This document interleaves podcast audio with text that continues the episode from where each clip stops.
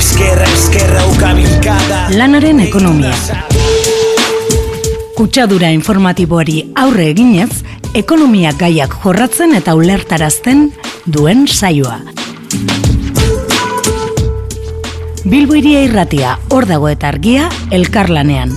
Lanaren munduko analizia. Lagunak egan, ametsak egan, izkinan bertan Usta bildu, eta berriz bueltan gelditzea bagen Don't stop, stop Amodi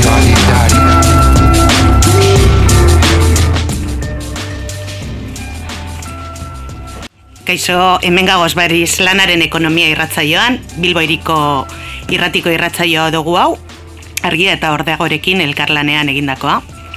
Baita ere, e, arrosasareko irratietan entzun gaitzakezue. Eta azken irraiatzaiotik ona, eta bueno, aurrera ba, argian eta el salto radion ere entzun gaitzakezue.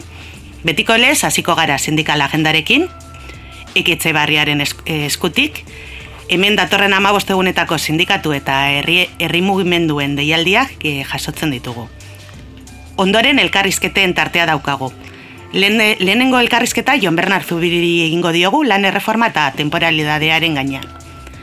Ondoren argiako tartean Peio Zubiria izango dugu COVID-19aren garaian sortutako banaketa startup berrien fenomenoari buruz.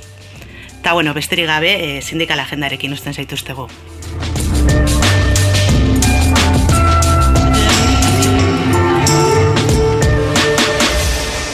Tira, ba, bueno, gaur martxoak e, hiru langile, bueno, langileen egun garrantzitsua dago Euskal Herrian eta batez ere Gasteizen. Ba, izan ere Gasteizko sarraskiaren e, urterra, urrena dugu, mila bederatziron da irogeita masean gertatutakoa. Eta beraz, ba, egun aproposa da, ba, e, le, lehenik eta behin, ba, han gertatutakoa oroitzeko, eta batez ere, ba, bidean geratutakoen lekuko hartzea dagokigula gogoratzeko be bai. Eta orduan, ba, bueno, e, egun garrantzitsua langile borrokarentzat. E, bueno, deialdekin hasi baino lehen, gogora hasiko dut, programara audioak bidaltzeko aukera dagola, orain esango duan zenbakira, 6 lau lau, lau bederatzi bederatzi, bos bos lau, barri esango dut, 6 lau lau, lau bederatzi bederatzi, bos bos lau, eta zuzenean deitzera animatzen basarie, ere aukera dago, eta zenbaki honetan da, bederatzi lau, lau bi lau, iru zazpi zero lau. Bederatzi lau, lau bi lau, iru zazpi zero lau. Eta tira, e, gaur esan duen, modue, esan duen moduan martxoaren irua da, eta ba, e, orain dela e, bai, mila bederatzen masain gertatuko oroitzeko, Ela Lab, SK eta Estela sindikatuek omenaldia egingo dute zeiterdietan eta e, manifestazioa zazpiretan hasiko da martxoak hiru plazan. UGTek bere omenaldia egin du bederatzi terdietan. Gero ba greba ba, deialdikin e, hasita, ba, ja luze daramagu greba hau aipatzen, Bizkaiko Nobaltia enpresako langileek greban jarraitzen dute bederatziren da berrogeita mabos garren egunez hitzarmen duin baten alde eta bueno, ba, ja Europako greba luzena izaten ari da Nobaltiako langileena. Gero ba, Bilboko Guggenheim Museoko garbitzaileen kolektiboa ere greban dago, berreun da irurogeita garren egunez, lan baldintza eta soldata duinan alde eta soldata arrakalaren aurka. Bizkaian beti ere, Saratamoko eta Seberioko vulkanizador zuloaga enpresako langileak ere greba mugagabean daude, berreun da berroeta bederatzi garren egunez, hitzarmen duen baten alde. Tarabara joan da, Gasteizen, Altan Bernedoko langileak ere greba mugagabean daude, haiek eun da bi garren egunez, hitzarmen propio baten alde ere. Galdakon, orain e, berriagoa den e, greba bat, Maxam enpresan, irurogeita zazpi langile kaleratu nahi dituzte, eta hori dela eta langileak greba mugagabean daude, otzailaren amaseitik, bi aste gutxi gora bera. Orozkon, artiaz gaietako enpresako langileek, egun da bat egun daramatzate, lau orduko lanuzteak egiten, ia egunero. Eta, bueno, eh, haien helburua langileen baldintzak hobetoko hobetuko dituen hitzarmena da. Bestalde, Bizkaiko autoeskoletan ere, greban dira martitzenetik bihar arte patronalaren blokeoren eta negoziazioa esa salatzeko. Hainbat egun egin dituzte eta bueno, beste, beste, beste aste greba bat e, egiten ari dira orain. Muskisen Petronorriko Petronorreko azpi kontratetan bigarren greba eguna egin dute gaur, edo egiten ari dira akordio duin bat lortzeko. Durangaldean, Bizkaibusen zerbitzu ematen duten Abantza Durangaldeko langileek, murrizketak bete gabeko akordioak eta duela urte bete luze iraungitako enpresa itzarmenaren negoziozen dauen blokeoa salatzeko ba, e, greban daude. Eta berangoko alkontza enpresan, irisar taldean parte dena, langileek greba mugabe hasi zuten astelenean, iragarritako hogeta mazortzi kaleratzen kontra. Eta Nafarroa joan da, leitzan, torras papel enpresan, amala ugarren grebagunea dute langileek, hitzarmen duin baten alde. Hoiek dira gaur e, ba, martxan dauden e, grebak. E, bihar, martxoak lau, osasun bideko administrarien e, elkarra, elkarretaratzea ditu du labek, zerbitzu zentralen egoitzan, e, tutera kalean, ordu bitatik, ordu biterrietara, kolektibo horrentzako prestakuntza eta itormen profesionala eskatzeko. Zapatuan, martxoak bost, gazteizen indesako enpresako batzoreak manifestazioa ditu du, amabietan, foru plazatik, e, itzarmen duin baten alde. Eta iparraldean, e, alda mugimenduak etxe bizitzari buruzko arau berria ospatuko du Baionan. Eta kontzertu eta animazioak antoletu egun horretarako. Eta bai, kasu honetan ez da protesta bat, ospa, ospakizun bat da. Izan ere, ba, ziurazki zapatuan, CAPBek e, iparraldeko erakunde administratiboa izango litzatekena, Espainiako estatua estatuan ba, iraultzailea izango litzateken arau bat onartuko du, edo hori espero da. E, bueno, arau hori antza denez e, badago ja Parisen, Antesen eta Bordeleko bezalako hiri handietan.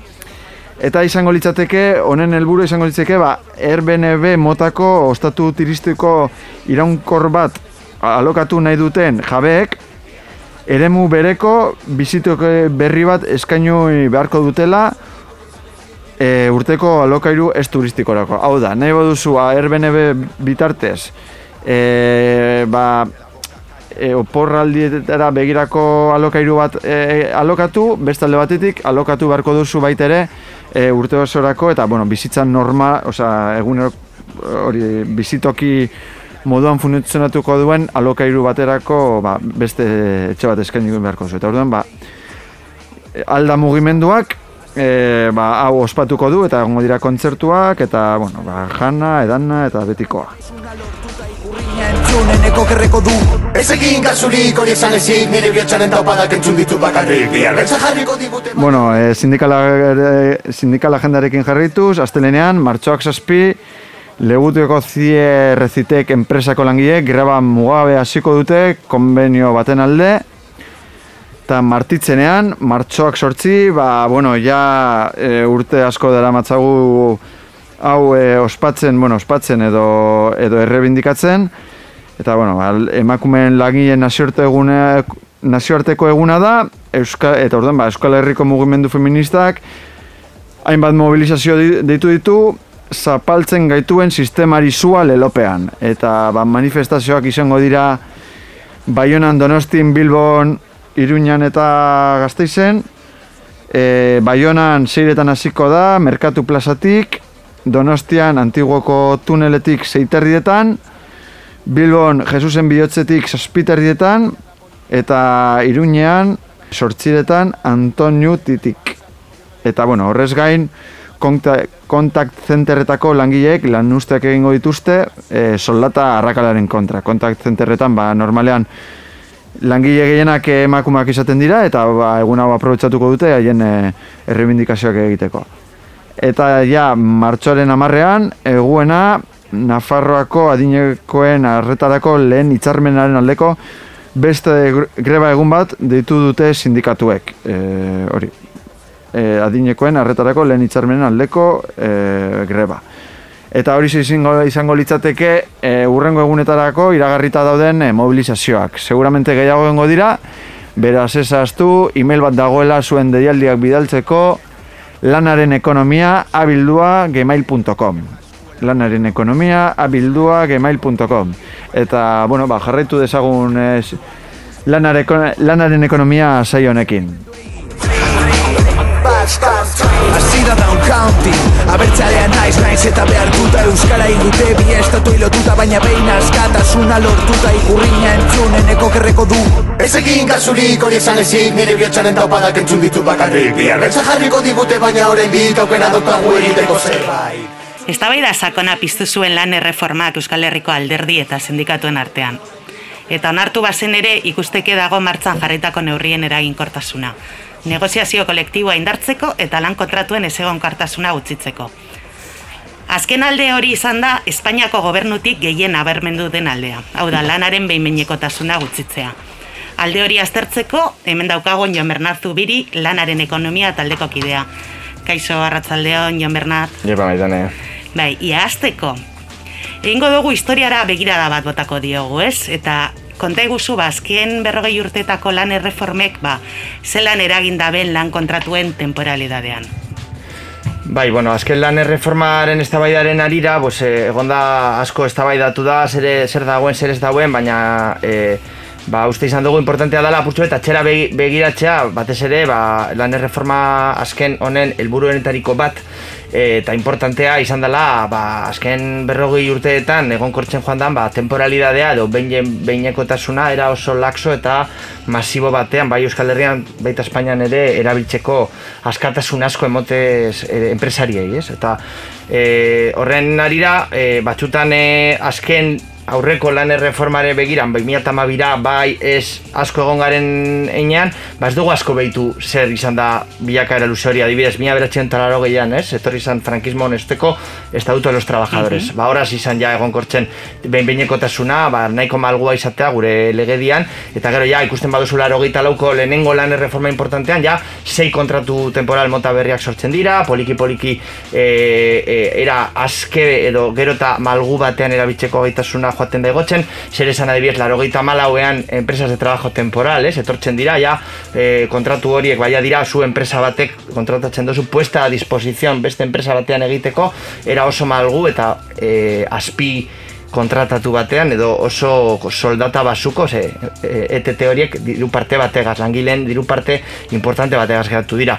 Eta abar eta abar joan dira izaten lan erreforma bat besteen atxetik lan temporala lan benbeinekoa e, malgutzeko eta era eta oso masio batean e, e, egiteko askatasuna egon da, ez? E, adibidez, azken lan erreformanetan ez da inbeste igertu, baina aipatzeko azken bat, inok ez dagoen agoratzen, bibia beratxeron, eta laro gehieta amazortxiko lan erreforma, inok ez daki lan erreforma hori zen duen, baina adibidez, por obra o servizio kontratua, gehien, sektore privatuan, gehien erabiltzen den sektore hori, ez, por obra o servizio, edo zetako kontratu hori, ba, asko malgutzen da, eta argita garbi ipintzen, ipintzen da, de, de, por causas inciertas, de duración incierta, no? Causas pre... Eh, ejecución limitada, tareas de ejecución limitada por duración incierta, no? Ja izaten da, enpresetan egon behar dela kontratu bat, edo zetako egin aldala eh, justifikazio mugatu bat emon behar barik, ez? Adibidez, hori izan da, adibidez gaur egun, lan kontratu gehien e, pilatzen dauena, ba, enplegu temporalean, ez? Eta oso larria da, berez, e, e, bai Euskal Herrian, bai Espainian, e, horren inguran dauen, sortu dauen egoera. Bueno, ba, lege guzti hauekin ez, edo lan erreforma guzti hauekin, berroi urte hauetan zehar, ba, normala da, azkenean Espainia izatea Europar batasuneko, ba, bueno, lanaren behin altuena daukan herrialdea, ez? Ta, bueno, e, gehiago jakiteko edo esan aldi guzu ba, generoari dagokionez e, zelakoa da egoera eta baita ere ba, bueno, sektore publiko eta pribatuaren artean zelako diferentziak e, aurkitzen diren. Bai, temporalidade tasa Espainian eta Euskal Herrian parekoa da, uste dute puntu bat e, gitxiago dala e, temporalidade Euskal Herrian Espainiat egin alderatuta. E, Lagun langiletik bat, tempor, egoera temporal batean daude, eta hori ez da bape normala, ze Europako e, temporalidade tasa gehien duen herrialdea da Espainia, eta hori Euskal Herria oso espainola da. Kontratazio malgu eta prekarioari begira, ba oso es, Espainiako joera hartu dugu, ez frantziakoa, e, aukeratzeko dukinako genuke, ba goian, iparraldean dugu beste herrialde hori, non malgutasun askoz gitxago dago kontratazio horiek egiteko, baina ez da bakarrik eh, Frantzia edo Alemania herrialde potere denuna, baizik eta e, Txekia, Estonia eta horiek danak, zadeko, oie, temporalidade tasak oso basuak, eta bueno, ba, ba oso larria da gure egoera, ez, eta gizon eta emakumen arteko alde nabarmena dau, ez beste sektore pribatuan, non gutxi gora bera, ba, bost langiletik bat ba, e, temporala da edo eta bai emakumea eta gizona ba, sektore pribatuen erabilera homogenoagoa dago e, temporalidadeana e, gizonak gehiago dute por obra servizio kontratuak eta emakumeak gehiago daude ordezkapen postuetan kontratua ordezkatze kontratuetan, baina edo zeinan de euneko antzeko batean, 20, 22, 23% iru, euneko hogeita iru batean. Baina sektore publikoan aldea oso nabarmena da gizon eta emakumen artean, ikusten dugu sektore publikoko gizonen ba, bardin euneko hogeita bi bat temporal direla, baina emakumeak egotzen direla euneko hogeita ma arte, ez? E, e, e, iru emakumetik bat, baino gehiago sektore publikoan lan temporalan daude, e, eta hori sortzen dagoen temporalidade publikoa dela e, igual nicho larriena. E, lan temporalidadea sektore feminizatuetan batez be e, igertzen duguna ez? Eta bakarrik bukatzeko e, esatea ba, gaur egun betiko lan edo lan tipikoa esan den hori, ba, gaur egun bi pertsonetik bat ez dutela, ez? Beti, noiz, noiz ikungo duzu, igual, garaian amumak, gaitxitzek edo gurasoek esaten aldutena, eta noiz ikungo duzu, ba, betirako lan bat, baina estadistiketan ikusten dela, e, ekonomian esaten den lan atipikoa, hau da, denbora osoko, egonkor, eta eta indefinido eta soldata konbenido batean egondako lanak, ba, bitik bat ez daude goera horietan, partxialidadea, bat ez bemakumeana, temporalidadea oso altua, e, fijo e, diskontinuo horiek edo e, sasoian sasoiko laneak egiteko horrelako kontratuak, eta orokorrean, ba, egoera ez egon eta gutxi pagatutako horiek, baina dira bilangilitetik baten egoera, orduan ja, gure gizarte kapitalista honek ez du sortzen gutxienez bi pertsonetetik baterako, ba, lan dugin bat edo bizi moduko bat e, emoten. Bai, bueno, ba, esan dozun bezala, ez, laburtzeko azkenean, ba, genero arrakala timen ere ematen dala, ez, eta, bueno, bereziki sektore publikoan, ez da.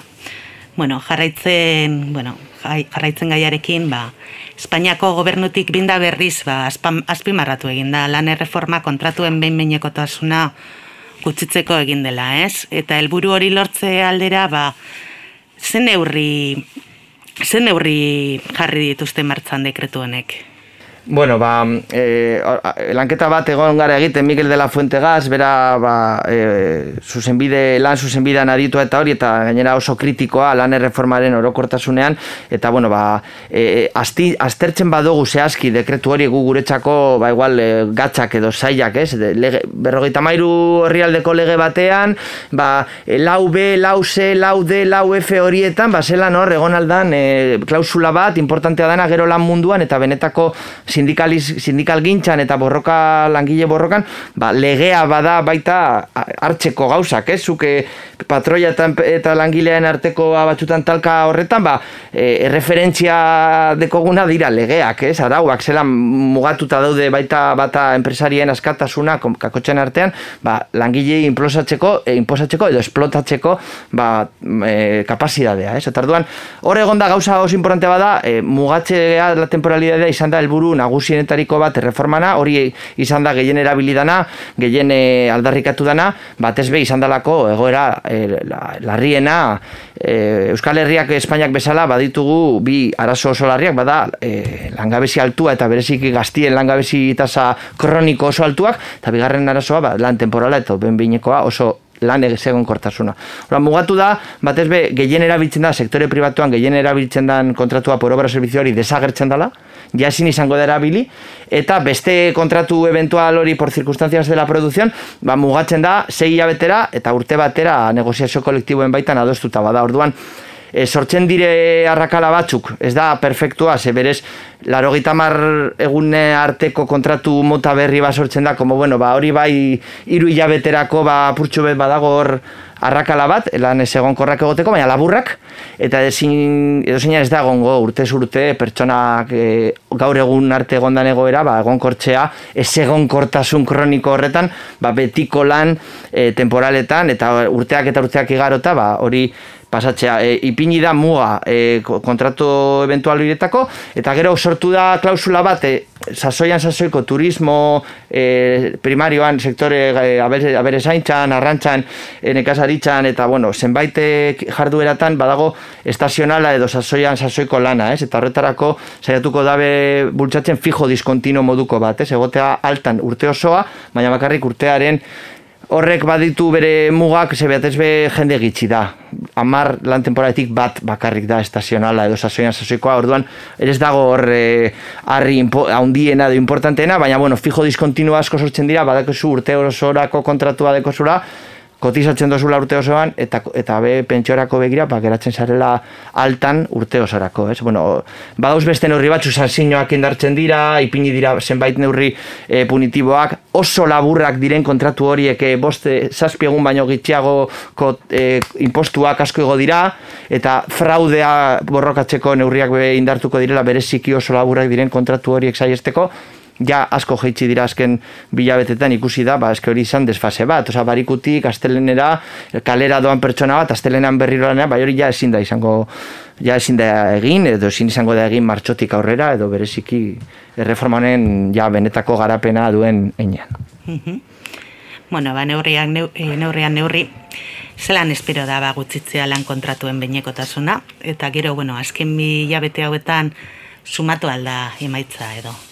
Jo, ba, egon gara ekigaz hemen kafean txokian, eh, asbaliko parte espote bat hartzen, eta zenbat esango dugu, ba, sektore publikoan, egongo da, lan erreforman paraleloa eginda, lan erreforma onartu da, abenduaren hogeita zazpian dekretua, dekretua, ez gero kongresuan dio dekretuan, eta e, abenduako gita sortzi egun berien inda, la, e, mega estabilizazio bat ingo da sektore publikoan, bebai, Europa kina adostuta, ba, gutxitu bar dala, lehen alpatu dugun, emakumen eren bat, temporala izatea sektore publikoan, osakidetxan, eskolan, e, sektore zerbitzu publikoan, oza, hori da, e, puto kaos bat, orduan hori kendu behar da, ja. Orduan hori mugatzen dabe, esaten dabe euneko sortxira. Baina, karo, ikusi dugun datua da, emakumen euneko hogeita magosta, eta gizoen euneko hogeita bia, dana geistea euneko sortxira, ni ustez laran biziosoa da, nik uste dut oso helburu, baina puntu asko geitxiko da temporalidadea sektore publikoan, legez, sektore publikotik lege espezifiko bat garatuko dela horretarako, gainera, Europatik zentsu honean imposatuta etorriko dan bebai, oza, esan da be Europarrak, tio, oza, zuen sektore publikoa txarto doa, ezin da lantzan funtziona. Eta sektore publikoa e, pribatuan zailagoa da kalkulatzen, ze ez dakigu zenbat kontratu por obra servizio, pasatuko dira circunstancias eventuales de la produccionera, e, ba, arrakala batzuk geratu direla bebai hor erabili modukoak, ze enpresari batzuk beti gongo dira, azken legearen, azken marratxoa, ber, esplotazioa purtsoa gehiago ina izateko, baina dozeinan tendentzia ja ikusi dugu, ez bakarrik makrodatuetan, gure inguruetan bebai, kontratazio indefinidoak egoten ari direla, jende bat egondala beti temporalidan, de repente, ah, ba, oine, fijo, ingo dirate, hostia, ba, no, espero, eta hori gertatzen ari da, eta datuetan ikusten da, Espainian, Euskal Herrian baino gehiago, eh, Otsaian e, ia ia lau kontratutik bat indefinido izan da Espainian, sariz da, inoiz gertatu historian. Euskal Herrian izan da uneko amairua arafarroan, uneko amasei e, baskongadetan otsailekoa. Oso altua da, baina Espainiako uneko goita bia izan da. Orduan, tendentzia bat egoten ari da, indefinidorako kontratazioak egiten ari dira, batez bere laguntzak dauzelako bebai konbersin horretan, ez? Enbede egon itxoiten orain legeak e, muga jartzen duela ekainerako, kontratu horiek e, aldatzeko edo, baina ja batzuk aurreratzen ari dira e, diru laguntzak konbertsiorako hartzen. Orduan ikusten tendentzia oso honean gauzela eta bueno, ba posten naz eta medi ba soriontzea ba kontratazio indefinido e, egonkor batean sartu zaren entzule guztiei. Vale, bai, Bernard. Ba, eskerrik asko ba, lan kontratuen temporalidadea ari buruz hitz eta bueno, me bai ze prebizio dagoen. Euneko amabi, euneko amabi, ez dut esan, sektore pribatuan orain dau euneko goita hiru batean, aber euneko, amar puntu geizta izango zan e, itxela, eta, pu, pri, eta publikoan beba, aber amar puntu geizten bada, eta nik ja, bueno, datorren urteko gabonak, e, dana, dana nire kontu. Itzazora itzuli naiz Bidaian joateko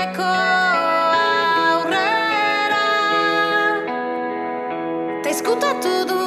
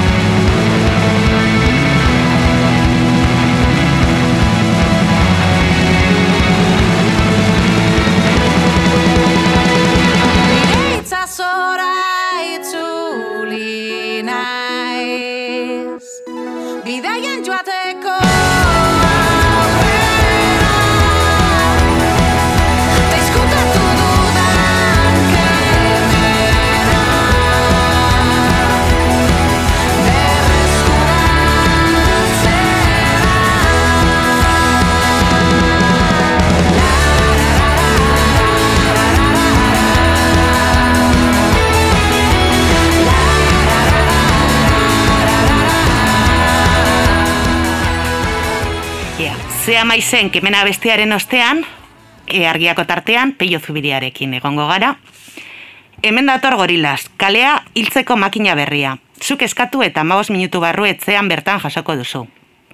Kaixo, peio, Kaixo, arratsaldeon. kaixo, bai, ja, lehenengo azteko. A ber, esaten dozun bezala erreportajean, gorilaz bezalako banaketa startupak zabalduak dira, eh? zabalduta daude, Bai. eta, bueno, zintzu, zer dira startup hauek? Bueno, azteko, eh, nik aitortu behar dut, ka, adineko kazetari bat naizela, nire irurogeita lau urterekin, orain enteratzen ez gauza hauetaz. Pentsatzen dut, eh, zuen entzule askok, eh, gazteak batez ere, ja ezagutuko dituzuela. Nik, hau egin nuenean, eh, ez duen ezagutzen, eh, hemen bat zegoenik. Ez dakit jada nik ezote dagoen Bilbon sartua, baina jare harri durarako, eh, orain dela gutxi, zehazki, Kadiz Getafe partiduan, han futbol zelaian, bazterrean, e, horra ateratzen diran e, iragarki elektroniko hietako batean zeuen gorila zen e, iragarkia. Beraz, ja existitzen da Espainian ere. Beraz, gu espainola garen neurrian, pues, e, hemen ibiliko dira inguruan.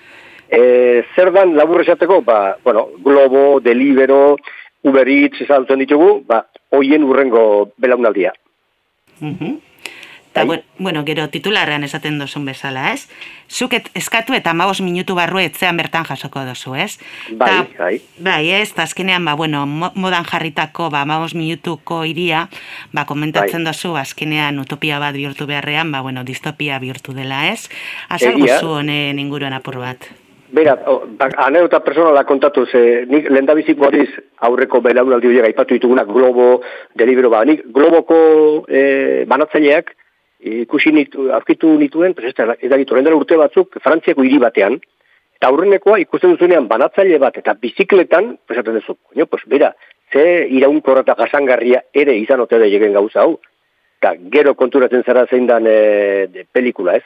Ba, amabos minutuko iriarekin antzeko zeo zer esango nuke gertatu dela. Hor, badago teoria lerro bat, ba, jasangarritasunaren eta e, bueno, ingurumenaren eta iria planteatzeko modu ezberdin baten eta kaleari bizia eman, eta eta lana eta kalea eta konsumitzen dugun lekua pixka bat e, urbilago e, bihurtu, eta bueno, horren inguruan egin dira planteamentu batzuk, prentsan azaldu dira, e, Parisen e, zehazki horren alkate dagoen e, ane hidalgo hori bultzatuko zuela, eta bar, baina, claro, orain e, amabos minutuko iria, badirudi beste gauza bat ere badela, eta genera nagusiki hori izan daitekela.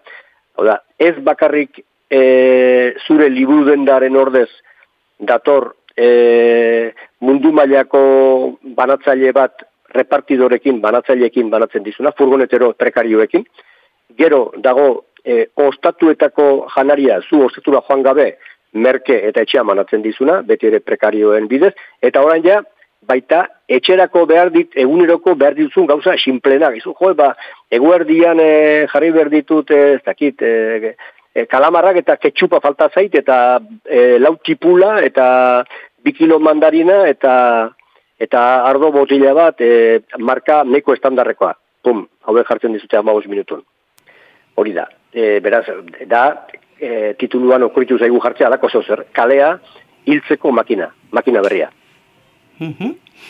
Bai, ez da, bueno, e, gero azaldu ba, funtzionamentua ere zer den, ba, komentatzen Bai. duzuna, dark store baten bitartez e, funtzionatzen Bai. da bela. Bai, pentsatzen dut, e, batez ere hori zuek e, hiri handietan bizizaretenok, hori ezagutuko duzela jada e, restaurazio mailan, ez? Eta, bueno, hori esango nuke donostian ere ikusten da, maila diferentetan, ez? Alde batetik, e, taberna eta ostatu edo jatetxe txikiak, e, dikoazen eilean, kate handiagoen mende gelditzen, pues, alako batean ohartzen zara, e, ba, pintxoak ere, taberna batetik bestera gero taberdinagoa direla. Eta gainera, zuk e, festa bat zure lantokiko bulego batean, ba, despedide bat antolatzeko ere, katerin, mini katerin bati eskain, eskatu ezaiok ezula. Horren parte bat behintzat, sustatzen da gaur egun e, dark chicken eta olako gauzak deitu direnetan, ez? Hau da, sukalde e, ilunak edo sukalde eskutuak edo sukalde disimulatuak daudenak zuregandik hurbil. Bueno, kasu hontan hori ekarri baldin badugu, ba, e, kompetentzia egitera, el, eh, no esango nuke, e, janari eta ohiko gauzak saltzen dituzten e, dendei, orduan daude, edo gomen daude, nik ez ditut ikusi, baina hori erreportaje hortan kontatzen da, ala, ala ikusten da bideoetan ere, ba, alako almazen txiki batzuk, denda eskutu txiki batzuk, e, berezitasun batzuekin. E, bata da, zu baldin badaukazu janari denda bat, pues, ezin dituzu euki milaka erreferentzia baino gutxio, hau da, zu ezin dituzu euki hainbeste ardo gutxinez, hainbeste, ez, ez izango ardotan espezialista, baino hainbeste ardo, edo hainbeste esne, edo hainbeste gauza diferente baino gutxiago. Zat pilaten zaizkizu, produktu eta referentzia diferenteak. Hauek zentratzen dira, horretarako daukate APP eta eta algoritmoen laguntza, zentratzen dira beren bezeroak gehiena erabiliko edo erabili, erabiltzen dituela uste duten produktuetan. Horrela da posible, eta, bueno, begira, gu jarri dugu argian e, paperezko erreportaje hori modu digitalean, hori dago aberastua, tartean Espainiako gorilas baten publizitate moduan egindakoarekin. Eta hor ikusten da nola funtzionatzen duen. Amar minututan nola lortzen dut, duten, zuk enkargu bat e, bidali, haiek jaso, haiek paketea osatu, eman e, bizikleta zale bati eta ura zure etxeraino etortzeko. Hori da modu laburtuan e, berak egiten duten funtzionamentua. Bai.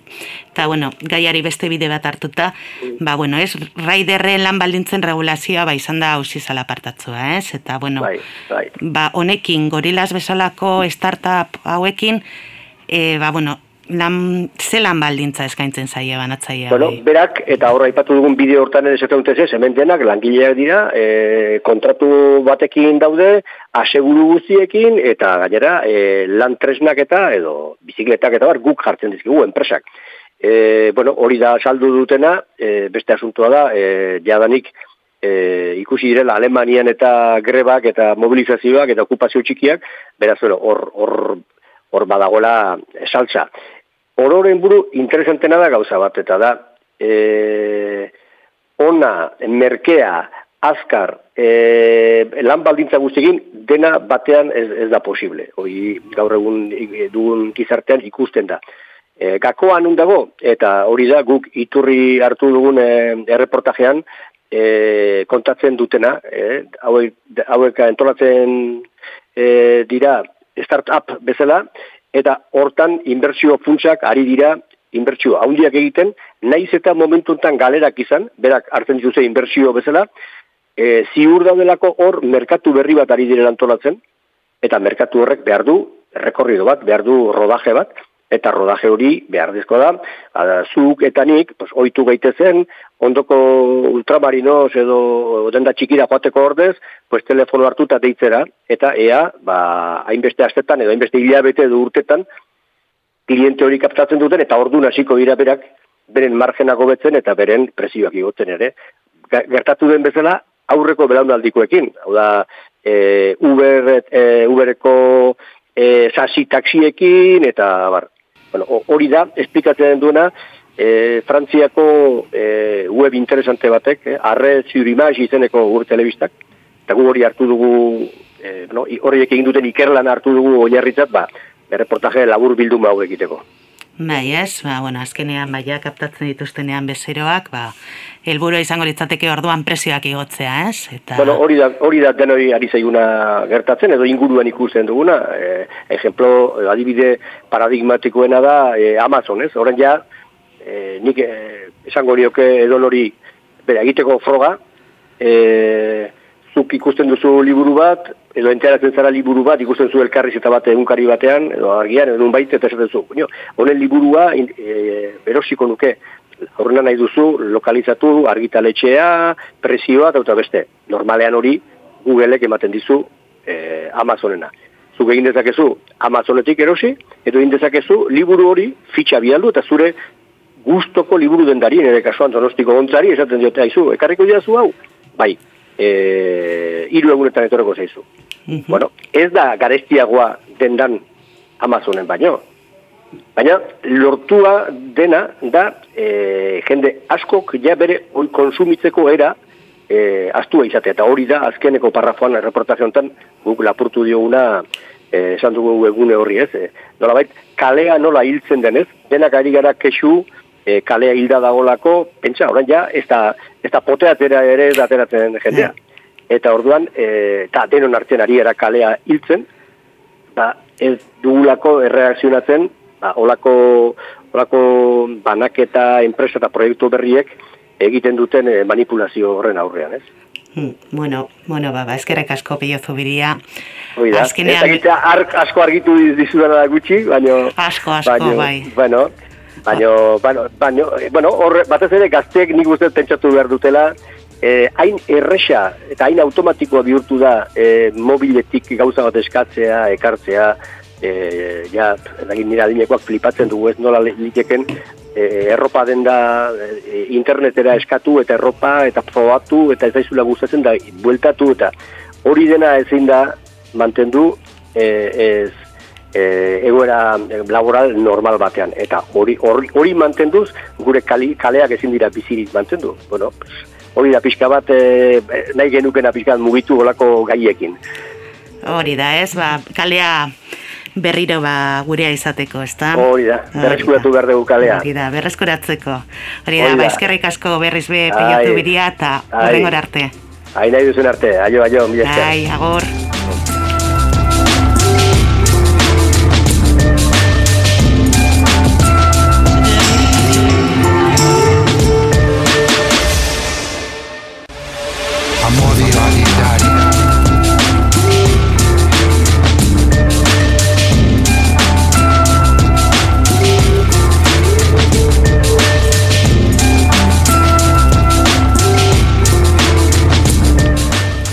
Peio Zubiria, argiako kasetaria, ez da lehenengo biderra, ez da bigarrena ere, hemen eh, lanaren ekonomia saio honetan eh, bere jakintzaz. Eh, eh, bereziki go- gogoratu dut maitan egon zarenean elkarrizketatzen eh, behin eh, eh, ni ia iaz nekien zer zen Airbnb, eta bera ba, argian eh, kriston erreporta izako, Airbnb ba, hirietan eh, jendeak kaleratzeko, ba, presioak, espekulazioa, hori aztertzeko erreportaje nahiko pionero edo ez dakit, e, bueno, aitzindari eh, gai horretan, eta ni jo, ala, ba, Airbnb, ba, zelakoa, tal, eta just azte hori Iruña rock zan. Eta joan ginen Iruñara, eta ni ez nintzen zetaz antolatu, ba, kuadriako batek antolatu bandana, eta ja, joera berria, bede ostala bilatu edo lagunen etxera tipikoa, ba, Airbnb, eta horra, bukaturaz ni Bilbo iria irratitik, e, Iruñara, Airbnb batera, eta gainera esan nahi donon, porque kaleak hiltzeko makina bezke hau Iruñako udaletxeko plazan. Osea, vamos, hiltzen diren kaleak ez dira bakarrik eh, kale periferikoak, baizik eta be bai, osea, erdiguneko, auzo historikoa, Bilbon aldezar batean, ba, eh, kale historikoak, ba, de repente, erbeian betan eh, geratzen badira danak saltzeke. Eh, eta oin ane zabalak goratzen dit, ja kontatu nuela hori, baina bueno, errepikatzea gustatzen zait eta.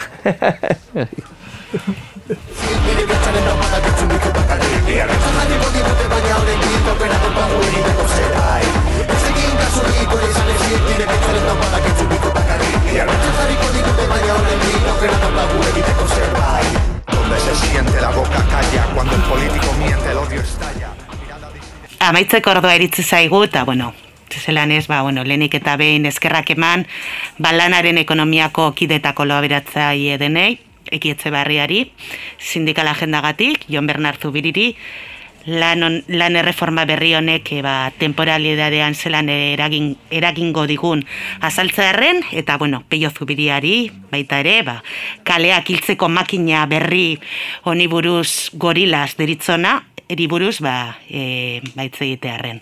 Eta bueno, baita ere, ba, mandoetan daukagun ana, e, anezabalari, eta ta, bueno, nola ez e, entzule zuri. Eskerra, eskerra, ukabilkada Lanaren ekonomia. Kutsadura informatiboari aurre eginez, ekonomia gaiak jorratzen eta ulertarazten duen saioa. Bilbo iria irratia, hor dago eta argia, elkarlanean.